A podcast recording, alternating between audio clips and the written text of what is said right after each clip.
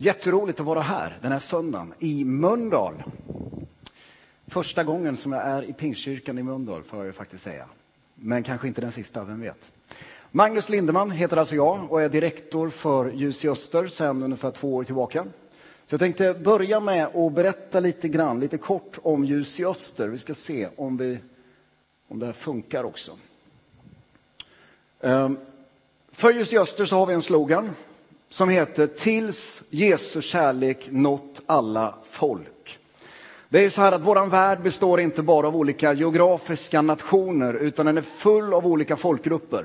Beroende på vem man frågar så får man svaret mellan 12 000 och 15 000 olika folkgrupper runt omkring i världen. Av dem så är det ungefär 6 500 som fortfarande klassas som onådda folk. Det innebär att det kan finnas troende i de här folkslagen, men det är alldeles för få för att de ska kunna evangelisera sin egen eh, folkgrupp. Det kan också vara så att man inte har Bibeln på sitt eget språk och så vidare. Det här tycker vi i Ljus i Öster är väldigt, väldigt viktigt att förändra. Och därför så har vi detta som huvudsakliga eh, mål och vision för vår verksamhet. Att nå ut med Jesu kärlek till alla folk. Nu ska vi se, nu tryckte jag här på knappen men den funkade inte.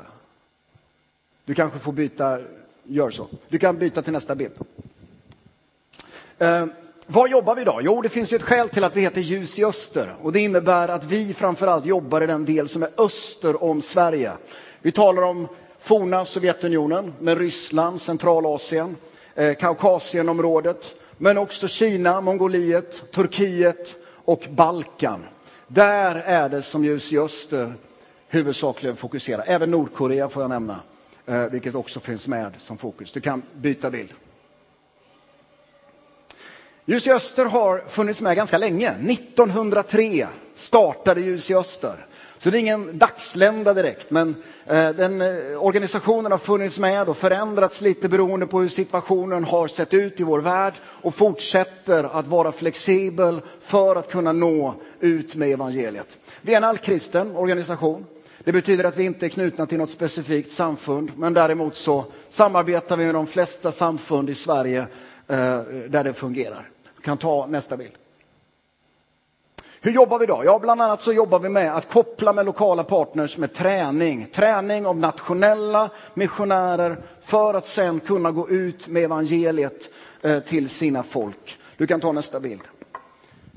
Det här är sen huvudsaken. Vi är med och understöder nationella missionärer. Det är ju så att Ljus i Öster Eh, sänder inte framförallt ut svenskar, utan det handlar om att understödja drygt 200 nationella missionärer i området som går ut med evangeliet, planterar församlingar, ser till att onådda blir nådda. Och det är de här som är våra hjältar. Det är de här som utsätter sig för faror och, och, och allt möjligt. Låt mig bara ge ett exempel ifrån Kina. Västra Kina är relativt onått. Där finns det muslimer, buddister, tibetanbuddister, animister, säkert cyklister också för den delen, men, men, men onådda folk. Eh, vi understöder 25 stycken nationella kineser som går från östra sidan där det är väckelse till den västra Kina, eh, delen av Kina och, och för att nå ut med evangeliet. Vid ett tillfälle så får vi ett vittnesbörd från en av våra nationella som berättar hur man har mötts för bönemöte i ett hem där man inte får mötas, men man gör det ändå. Och varför inte öppna fönstret så att folk utanför på gatan får veta vad man gör? Eh, I den här samlingen så är det en kvinna som reser sig upp och berättar om hur Gud har vidrört henne. Hon har blivit helad från någon sjukdom.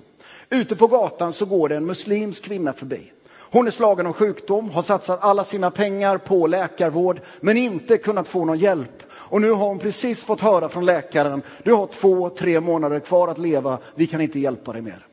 Hon hör någon som blivit helad av Jesus. Vilket gör att hon går in, hon knackar på dörren och så när de öppnar så säger hon, kan ni be för mig också? Självklart gör man det. Man leder henne till tro på Jesus Kristus. Man ber för henne. Hon upplever hur Gud vidrör henne. Hon går tillbaka till sin familj och upplever hur Gud har gjort henne fullständigt frisk. Familjen kommer till tro. Man låter sig döpas. En hel muslimsk familj i Kina. Allting är fantastiskt tills den dagen det knackar på dörren.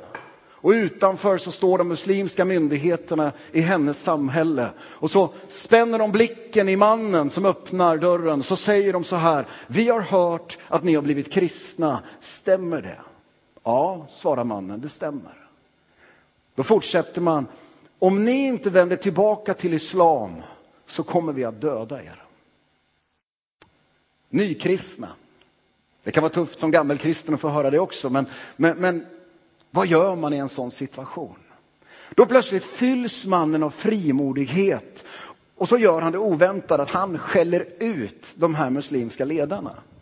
Och så säger han följande, han säger, ni känner till allt om oss. Ni känner till min fru, hennes sjukdom, hur vi har tagit alla pengar som vi har för att få hjälp. Vi är helt Eh, eh, barskrapade på pengar, men ni har inte velat hjälpa oss. Vi vände oss till de kristna och de hjälpte oss. Och så fortsätter mannen. Under alla dessa år har vi ropat och bett till Allah att han ska gripa in. Men Allah har inte velat lyssna. Men vi bad till Jesus och han grep in och helade min fru. Och så tittar mannen på ledarna och så säger han, säg mig, varför ska vi vända tillbaka till islam? Och då händer det här makalösa, att de vänder på klacken så lommar de därifrån. Och idag är det en husförsamling i den familjens hem. Visst är det fantastiskt? Du kan ta nästa bild. Vi finns också med och stöttar olika bibelöversättningar. Eh, bland annat just nu så spelas eh, den tjetjenska bibelöversättningen in på audioversion, eh, alltså så man kan lyssna på den. Det är så här att den tjetjenska bibeln finns, men det är ingen som vågar ta in den i Tjetjenien för att det är lite för farligt. Så därför så spelar man just nu in audioinspelning, vilket vi är med och stöttar, för att lättare kunna ta in det med ett sånt där litet kort och att fler kan lyssna. Det är inte alla som kan läsa i, i den delen av Ryssland. Du kan ta nästa bild. Eh, kanal Ayat, vi är med och stöttar tillsammans med Ibra, den här turkiska kristna tv-kanalen som går ut över hela Turkiet. Mellan 2015 och 2017 så var det 282 personer som kom till tro i Turkiet genom den här kanalen.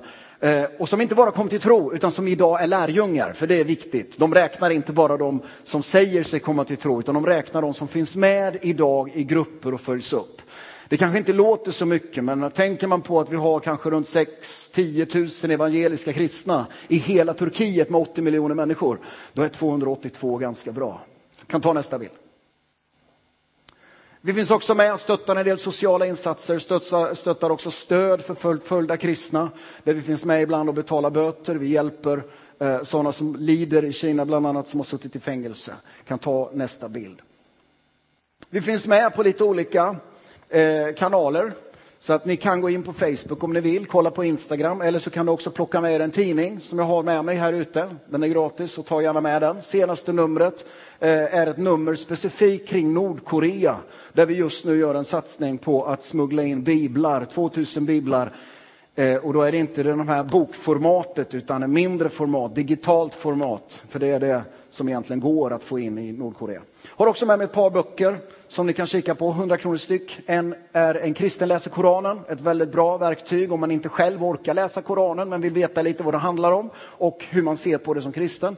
Och slutligen också Kallelsen till Nordkorea, ett starkt vittnesbörd av en nationell missionär som har varit i Nordkorea, suttit i ett par fängelser i Nordkorea och som berättar sin berättelse om vad hon upplevde där. Kan ta sista bilden där också.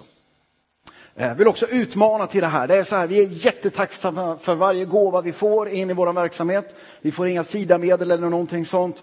Eh, vi är extra tacksamma också för de som går in som månadsgivare. Och det finns möjligheter att, att skriva på papper eh, där man kan få reda på hur man kan stötta via autogiro. Man kan gå in på en mindre summa eller en större summa beroende på hur ens ekonomi ser ut. Men det här betyder så mycket när vi vet att det kommer in regelbundet varje månad. Sådär.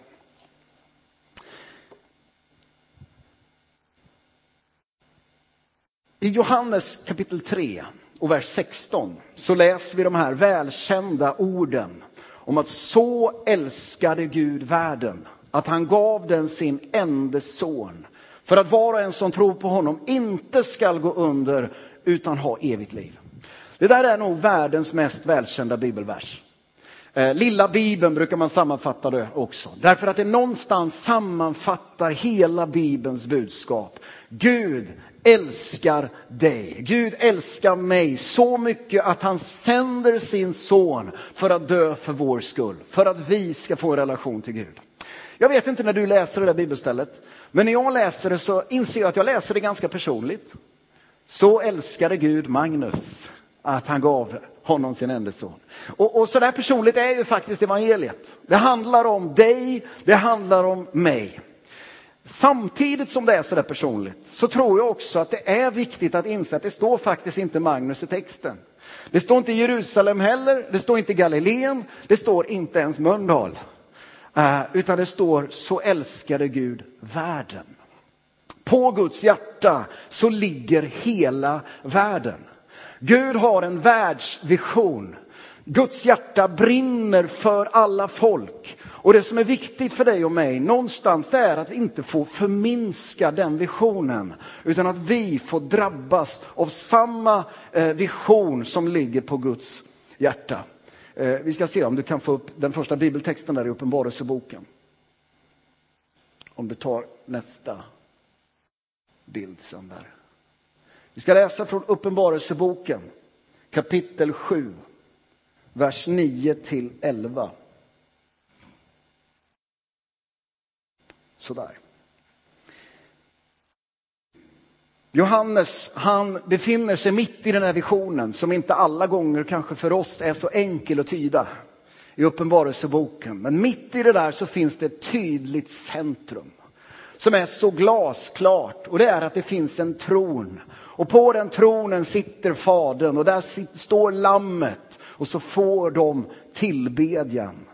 Och så läser vi, sedan såg jag se en stor skara som ingen kunde räkna av alla folk och stammar och länder och språk. De stod inför tronen och lammet klädda i vita kläder med palmkvistar i sina händer. Och de ropade med hög röst, frälsningen finns hos vår Gud som sitter på tronen och hos lammet.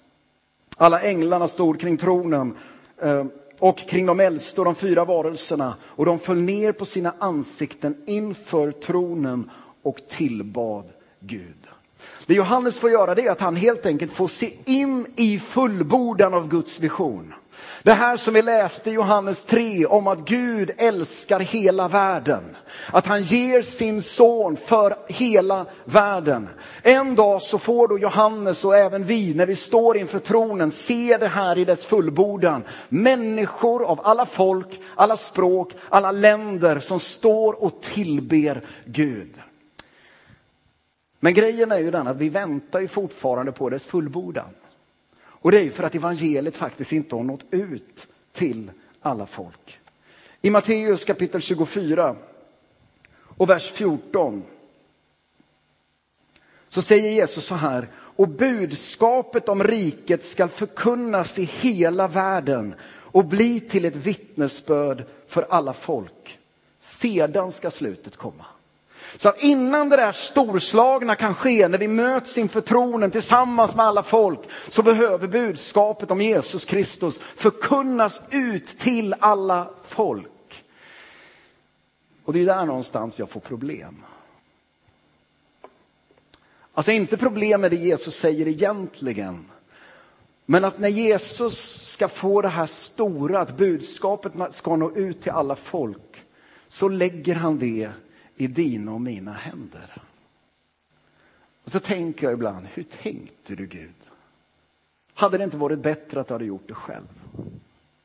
Det finns en legend, alltså en uppdiktad historia, att efter Jesus har varit här nere så far han upp till himlen och den första han träffar när han kommer till himlen det är ängeln Gabriel. Och ängeln Gabriel är exalterad. Han har sett vad Jesus har gjort. Han har förstått det verk som Jesus har utfört på Golgata, på korset. Så han liksom står på tårna så säger han ut till Jesus, vad händer nu? Hur ska budskapet nå ut till alla folk? Lämnade du en tydlig organisation? Lämnade du tydliga strukturer, strategier, visioner? Jesus tittar på Gabriel, så säger han, nej, jag lämnade en handfull lärjungar. De ska göra det. De ska föra budskapet ut till alla folk. Gabriel kommer liksom av sig. Men efter en stund så finner han på ord och så tittar han på Jesus och så säger han, men om de misslyckas då? Vad har du då för plan? Då tittar Jesus på Gabriel, öga mot öga och så säger han det där.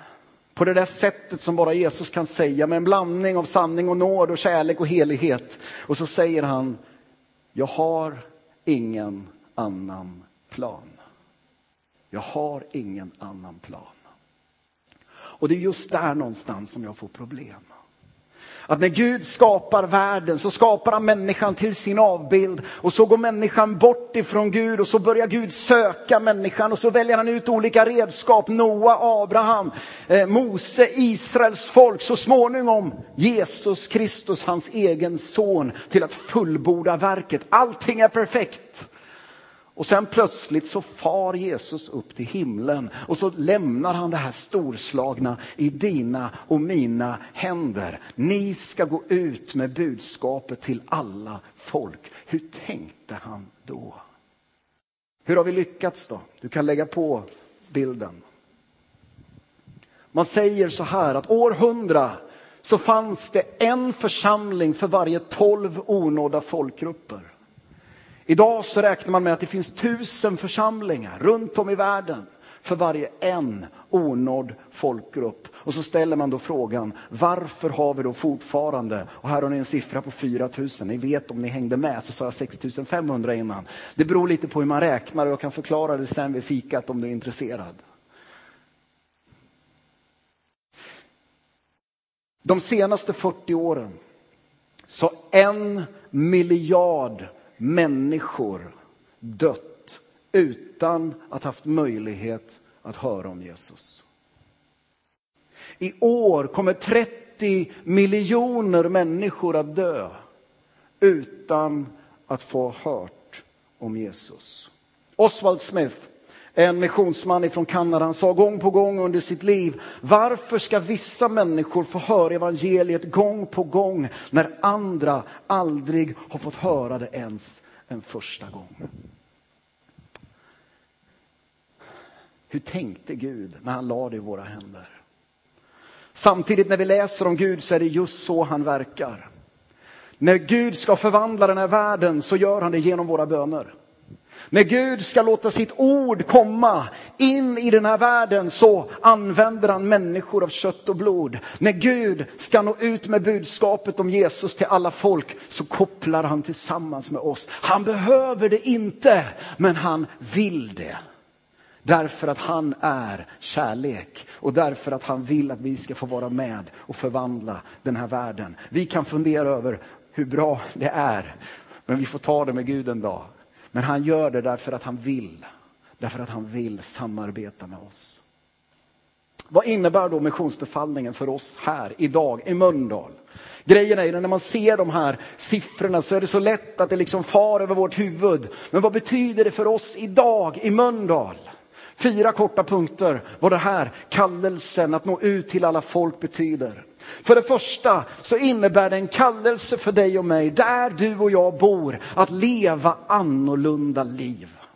I Matteus 5 så talar Jesus om att vi är jordens salt och vi är världens ljus. Med andra ord så kallar Jesus dig och mig till att leva liv som ska påverka våran omvärld. Vi ska vara med och förändra de som är runt omkring oss istället för att låta dem förändra oss. Det innebär att vi säger nej till saker som det här samhället säger ja till. Det betyder också att vi säger ja till saker som det här samhället säger nej till. Det betyder att vi lever ett annorlunda liv. Vi fick ett, ett vittnesbörd från en av våra nationella missionärer i Centralasien. I ett område som är väldigt muslimskt och där det är tufft att arbeta. Och så berättar de hur de som liten församlingsgrupp hade börjat snegla på området runt omkring. Och så såg de den här soptippen som var granne med församlingsbyggnaden. Det där var ju inte en soptipp som var tänkt att vara en soptipp, utan ibland i vissa länder så blir det eh, spontant soptippar. Någon börjar kasta någonting och så följer någon med och så plötsligt så är det någonting som inte ska vara där. Och så säger man som kristen församling, det där gör vi någonting åt. Och så bestämmer man sig för det där och så får man tag på någon lastbil, man kör undan allt skräp, man kör dit sand och så bygger man en lekpark och så öppnar man upp för samhället. Och så skriver våra nationella missionär att någonting hände. För plötsligt de här muslimerna som hade tittat snett på de kristna, de började ställa sig frågan, varför gör ni det här? Varför gör ni så här mot oss? Och så säger han att de börjar komma närmare de kristna genom att de börjar ställa frågor, öppna sig mer och mer för de har sett att de kristna lever ett annorlunda kärleksfullt liv. Du och jag är kallade att leva ett annorlunda liv. Missionsbefallningen handlar om där du och jag är, där lever vi på ett annorlunda sätt. För det andra så handlar detta om, om att vara sänd av Jesus in i världen också om vår bön. I Matteus kapitel 9 så läser vi om hur Jesus vandrar omkring i Galileen. Och så ser han människor och så ser han att de är slagna, de är som får utan en herde. Och så står det att Jesu hjärta verkar till. Och så vänder han sig till sina lärjungar och så säger han, be därför skördens herre att han sänder ut arbetare till sin skörd.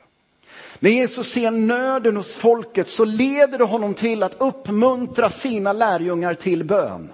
Och det är fascinerande om, man, om ni tänker på det, men läser man kapitlet efter sen, kapitel 10 i Matteus, vad gör Jesus där? Han sänder ut sina lärjungar. Läser vi lite mellan raderna så verkar det som att de tog Jesus på allvar. De började be och så vart de själva bönesvaret. Så det är lite farligt också om man inte är beredd att gå. Ett område att aktivt ta del i Guds plan för världens frälsning ligger i våra böner. Och här tror jag att vi behöver en renässans. Det här behöver lyftas upp. Det var inte så länge sedan som jag hörde en amerikansk pastor som refererar till en studie i USA där han säger så här att den genomsnittlige amerikanske pastorn, han ber och läser Bibeln omkring 15 minuter om dagen. Och då är det pastorerna. Och jag tror inte det är mer i Sverige. När jag får rapporter från våra missionärer i Centralasien ifrån Kina, ifrån Kaukasienområdet så lägger jag märke till någonting och det är att det andas bön. Man beskriver bön eh, hela bönedagar i månaden. Man beskriver bönenätter, man beskriver bön och fasta. Man beskriver bön som någonting som är en nerv som präglar allt vad man gör. Och så funderar jag, vad är det som gör att de ber så mycket när vi ber så lite? Och när jag har reflekterat över det där så tänker jag så här, kan det vara så att de förstår att de lever i ett andligt krig medan vi inte förstår det? Därför att deras verklighet i Centralasien är sådan att du kan få böta om du har två biblar. Har du två biblar i din ryggsäck och är ute och går och polisen stannar dig så kan du få böta för den ena. I början av det här året, i början av februari, så satt jag i, i, i ett land i Centralasien. Och så pratade jag med en, eh, en av våra nationella missionärer som berättar att i somras, för ett år sedan, så kommer polisen in, man gör en räd där han bor och så hittar man Nya Testamentet på hans dator. Och det är nog för att dra honom inför domstol tillsammans med ett gäng till och så dömer man dem till att betala omkring 7000 dollar. Det är ganska mycket om man själv tjänar mellan 50 och 100 dollar i månaden. Så man säljer sina ringar, man säljer sina örhängen, man säljer sina halskedjor, man säljer vad man har för att kunna samla in det som man behöver, men man når inte upp ändå. Nu hade vi möjlighet när vi kom dit, vi kom ett par dagar innan den här sista dagen hade kommit så vi kunde hjälpa till med den summan som var kvar. Men det som tog tag i mig, det är när han tittar på mig och så berättar våra nationella missionär att det här är fjärde gången som polisen tar honom. Och hur polisen har sagt till honom, blir det en femte gång så blir det fängelse. Då räcker det inte med böter. Och så tittar han så säger han, vi måste fortsätta och plantera församlingar i det här området. Därför det finns inga församlingar. Du vet, de vet att det är ett andligt krig och därför så leder du dem in i bönen. Och mitt i den där kampen så sker det enorma mirakler. Och så berättar de bland annat om den här kvinnan som kom, som var häxa, hade fastnat i okultism. Och så söker hon hjälp hos mullorna, eh, muslimska prästerna och säger ni måste hjälpa mig att bli fri. Och så tittar de på henne och säger vi kan inte detta, Ni be du behöver en större auktoritet. På något sätt så hamnar hon i den här kristna gruppen, den där lilla husförsamlingen. Och så skriver våra nationella missionär så där enkelt, rakt på sak. Hon kom till oss, vi bad för henne, hon blev fri, idag är hon medlem i församlingen.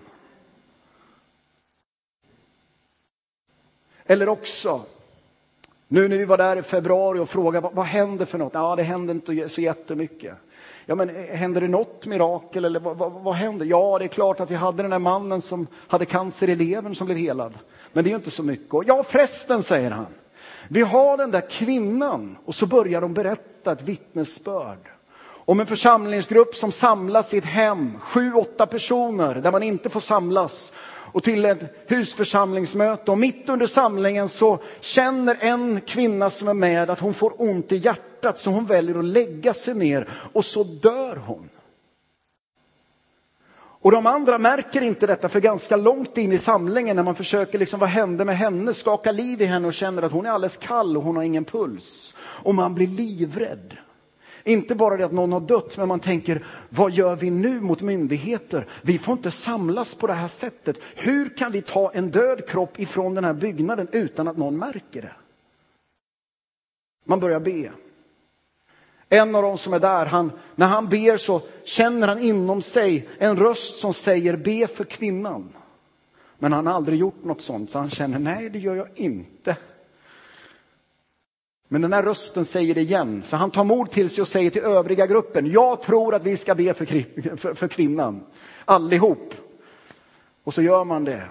Och så kvicknar hon till och kommer till livet och berättar om hur hon har varit på en plats med en flod, med berg, med, med, med, med allt möjligt fantastiskt.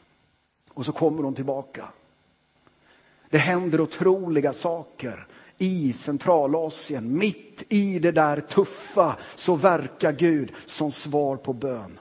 Det som är vår utmaning tror jag, det är att vi måste förstå att även om vi bor i ett helt annat land med helt andra omständigheter så lever vi i samma andliga krig. Och vi behöver lyfta bönen på samma sätt som de gör. För det tredje så handlar missionsuppdraget också om dina och mina pengar. Låt mig ställa en sån här jobbig fråga. Men hur mycket av dina pengar ger du för att människor ska ha möjlighet att höra om Jesus för första gången? Du kan ta nästa bibelord. I andra Korinthierbrevet kapitel 9, vers 8 så skriver Paulus så här. Gud förmår ge er allt gott i överflöd så att ni alltid har allt vad ni behöver och själva kan ge i överflöd till varje ändamål. Tänk om det är så att Gud välsignar dig och mig så att vi får vad vi behöver. Men för att vi också ska få vara med och välsigna andra. Tänk om det är så. Att vi i Sverige har det så bra därför att Gud vill att vi ska vara en aktiv del i att fullborda missionsbefallningen. Och frågan är då, lever du och jag upp till det förvaltarskapet? Jag läste några siffror som, um, som tog tag i mig. Där man har gjort en uträkning av den genomsnittliga kristne i världen. Och det här har man ju tagit över alla samfund. Men tydligen är det så att den genomsnittliga kristne ger cirka 2 procent av sin inkomst till kristen verksamhet. 98 procent behåller vi för oss själva. Alltså genomsnittet. Det kan ju vara lite skillnad mellan oss här. Va? Men 2 procent är det vi ger. Av de där 2 procenten som vi ger så går 5 procent till internationell mission. Så 95 procent går till den lokala verksamheten. Hör och häpna. Av de där som, av de där pengarna som ges så är det mindre än 1 procent eller närmare 0,5 procent av det vi ger går till onådda folk. 0,5 procent av det vi ger går till onådda folk. Så det är någonstans som ligger på Guds hjärta det prioriterar vi minst. Jag vet inte med dig, men när jag läser de här siffrorna så känner jag att det här skaver. Det innebär inte att man eh, ska skära ner vissa saker, eller ja, i princip så betyder ju det. Men det är klart att vi behöver fortsätta ibland med mission, även där det redan finns kristna. Därför att det handlar om social mission. Men någonstans så skaver de här siffrorna. Oswald Smith igen som jag citerade innan, han säger så här. Om världsevangelisation är kyrkans viktigaste arbete så borde vi ge mest pengar till det som är det viktigaste. Gör vi inte det så sätter vi inte heller mission först och vi tror inte heller att evangelisering av världen är kyrkans viktigaste uppgift. För det fjärde så handlar missionsuppdraget om att vara villig att sändas. Att säga här är jag, sänd mig. Alltså om det är så här att det fortfarande finns 6 000 eller om man vill räkna med 4 000 beroende på hur vi räknar, men onådda folk runt omkring i världen så betyder det att vi fortfarande behöver människor som säger här är jag, sänd mig. Och någonstans så tror jag att du och jag behöver ställa oss den frågan var och en. Är jag villig att gå om Jesus skulle sända mig? Det betyder inte att Jesus kommer att sända alla ut över världen. Så är det ju. va. Jag lyssnade på en amerikansk pastor, 70 år någonstans där idag, så säger han så här. Varje år så ställer jag mig inför missionsbefallningen. Varje år så ställer jag mig inför missionsbefallningen och frågar, är jag villig att gå om Jesus kallar mig att gå? Och så säger han så här, om jag inte svarar ja på den frågan, då har jag problem med vem som är min Herre. För det handlar om vem som är min Herre. Och därför behöver vi alla ställas inför missionsbefallningen. Det innebär återigen inte om att alla kommer att gå. Det har aldrig varit så i kyrkans historia. Läser man Nya Testamentet så ser man att en del sändes, Paulus, Barnabas, Silas och så vidare. Men det var ganska många som var kvar inom Israels gränser också. Men det som var gemensamt, det var att alla var vittnen. Alla var vittnen där man var, där man stod. Och vid ett tillfälle så läser jag en bok i kyrkohistoria som ska försöka förklara den enorma expansion som sker under den första kristna tiden.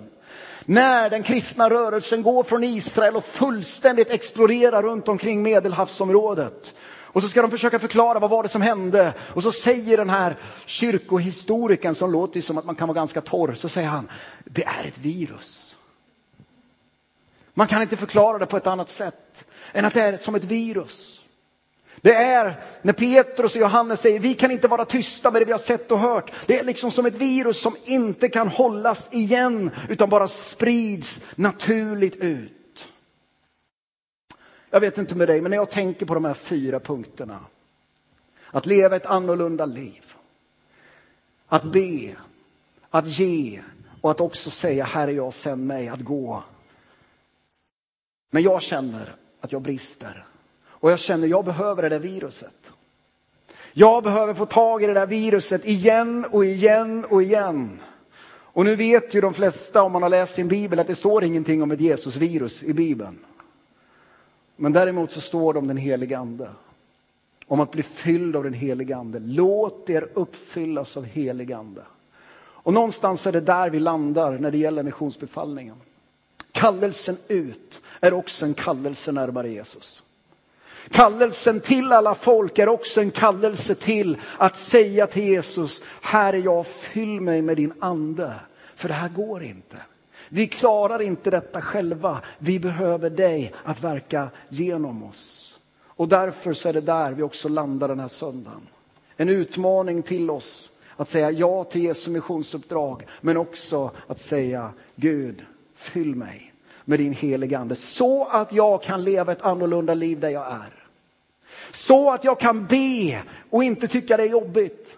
Så att jag kan ge och känna glädje i givandet. Och också så att jag kan gå vart Gud än sänder mig. Om det innebär ICA i Mölndal eller om det innebär Tashkent i Uzbekistan. Det är egentligen inte det viktigaste. Det viktigaste är att mitt hjärta säger ja till Herre, jag sänd mig. Låt oss be tillsammans. Herre, jag tackar dig Jesus för ditt uppdrag. Tackar dig för att vi ibland står och skakar på huvudet och tänker, hur tänkte du när du la detta i våra händer? Så vet vi att du har en plan, du har en tanke och du har lovat att vara med oss alla dagar till tidens slut. Nu ber jag dig Herre att du skulle komma och beröra våra hjärtan för ditt uppdrag. Men Herre framförallt, kom på nytt med din helige Ande. Fyll oss på nytt Herre. Om det är för första gången eller hundra första gången, det spelar ingen roll. Men bara fyll oss för vi behöver dig. Vi behöver dig Jesus i våra liv så att vi kan vara dem du vill att vi ska vara. Jag ber om det i Jesu namn. Amen.